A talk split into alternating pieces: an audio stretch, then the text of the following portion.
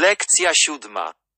日本最高年齢のフィットネスインストラクター。もう年だから、と言って、いろんなことを始めるのを諦めていませんか？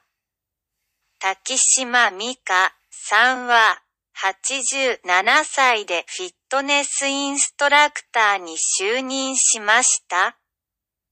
日本最高年齢のフィットネスインストラクターです。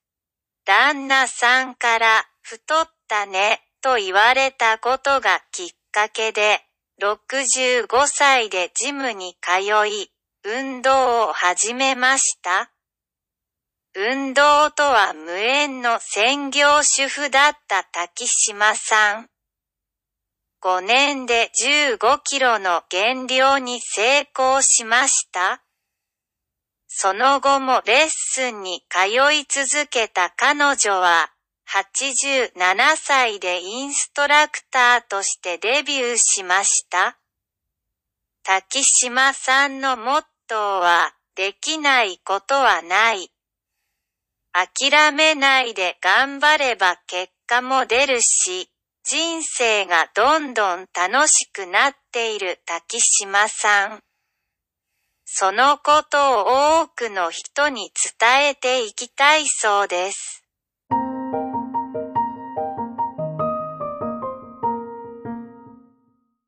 Najstarsza instruktorka fitness w Japonii czy kiedykolwiek zrezygnowałeś z czegoś, mówiąc sobie, jestem na to za stary?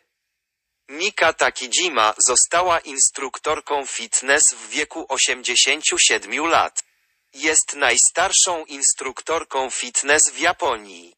Zaczęła chodzić na siłownię i ćwiczyć w wieku 65 lat po tym, jak jej mąż powiedział jej, że przybrała na wadze. Pani Takijima była gospodynią domową i, w przeszłości, nie ćwiczyła, schudła 15 kilogramów w ciągu pięciu lat. Nadal uczęszczała na treningi i zadebiutowała jako instruktorka w wieku 87 lat. Motto pani Takijima brzmi, nie ma nic, czego nie możesz zrobić.